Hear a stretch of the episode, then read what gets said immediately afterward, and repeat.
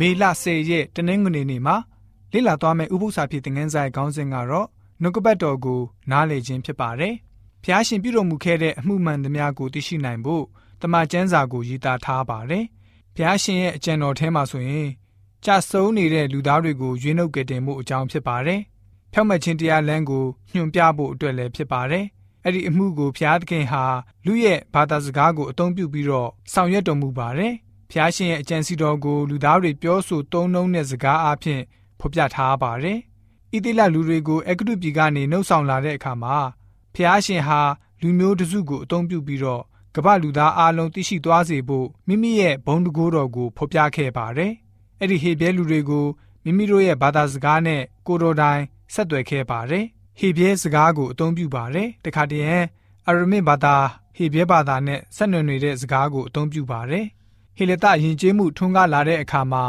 အသစ်သောအခွင့်အရေးတစ်မျိုးထပ်မံရရှိလာပြန်ပါတယ်။ဓမ္မတိကျမ်းကိုဟေလတဘာသာနဲ့ရည်သားပြန်ပါတယ်။အကြောင်းကတော့ဒီကမ္ဘာလုံးမှာရှိတဲ့လူအလုံးကိုဟေလတစကားနဲ့ဆက်သွယ်ပြောဆိုနိုင်မှုဖြစ်ပါတယ်။အဲ့ဒီခေတ်အချိန်ခါမှာဟေလတဘာသာစကားကိုကမ္ဘာတိုက်ကြီးအများစုကနေတုံတုံပြောဆိုနေကြတာတွေ့ရပါတယ်။ဟေဘဲအရမစ်နဲ့ရေးသားထားတဲ့တမန်ကျမ်းစာကိုတော့ ဟေလတဘာသာနဲ့ပြန်ဆိုထားပါတယ်။သခင်ခရစ်တော်အသေးခံတော်မူပြီးတဲ့နောက်တမန်တော်များဟာကဘာအရရက်ကိုဧဝံဂေလိသတင်းကိုကျေပြန့်စွာဖြန့်ချီသွားတဲ့နေရာမှာဟေလတဘာသာကိုအသုံးပြုနိုင်ခဲ့ပါတယ်။နောက်ပိုင်းအချိန်မှာတမန်တော်ရှင်ယောဟန်ဟာဗျာဒိတ်ကျမ်းခန်းကြီး1ငယ်2မှာယောဟန်သည်လည်းဘုရားသခင်၏နှုတ်ကပတ်တော်နှင့်ယေရှုခရစ်၏တသက်ခံတော်မူချက်ကိုမြင်သမျှအတိုင်းတသက်ခံ၏ဆိုပြီးတော့ရေးသားခဲ့တာတွေ့ရပါတယ်။ဒီလိုနဲ့တမန်ကျမ်းစာဟာကနဦးစတင်ရေးသားသူကနေစပြီးတော့နောက်ဆုံးရေးသားတဲ့သူအထိ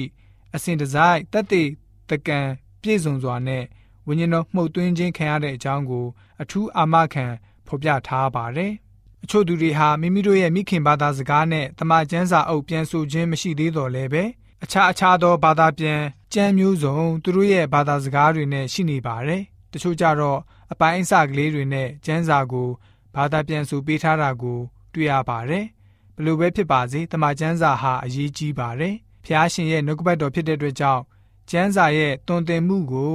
ခံယူလိုက်လျှောက်ဖို့အင်မတန်မှအရေးကြီးပါတယ်ဆိုပြီးတော့တနင်္ဂနွေနေ့ဥပုသ္စာဖြစ်တဲ့ငန်းစာကဖော်ပြထားပါတယ်။